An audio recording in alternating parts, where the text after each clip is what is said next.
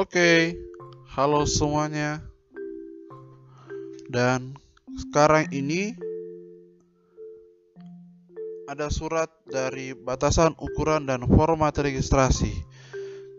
Salam olahraga. Terima kasih sebesarnya kami sampaikan atas registrasi yang sudah dilakukan oleh beberapa pemilik kuda.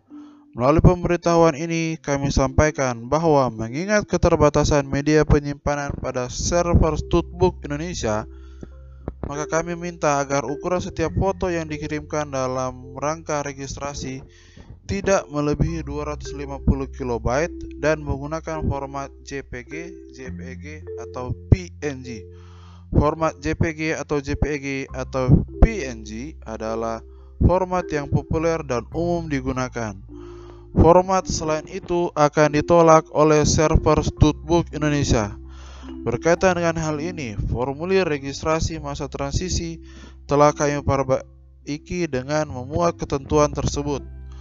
Melalui pengumuman ini, kami juga meminta kerjasama pemohon registrasi agar mengirimkan foto yang terang dan jelas agar memudahkan proses identifikasi kuda.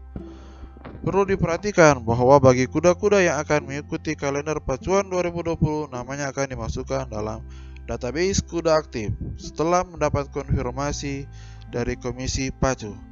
Hal ini sekaligus sebagai tanda bahwa kuda tersebut telah terdaftar sebagai kuda pacu untuk kalender pacuan 2020. Untuk itu, foto kuda yang bersangkutan dari samping kiri akan dimuat dalam informasi tentang kuda tersebut di Studbook Indonesia. Karenanya kami berharap pemilik kuda dapat mengirimkan foto terbaiknya. Demikianlah pemberitaan ini atas perhatian dan kerjasamanya kami ucapkan terima kasih sebesar-besarnya. Hormat kami Studbook Indonesia. Itulah surat selanjutnya.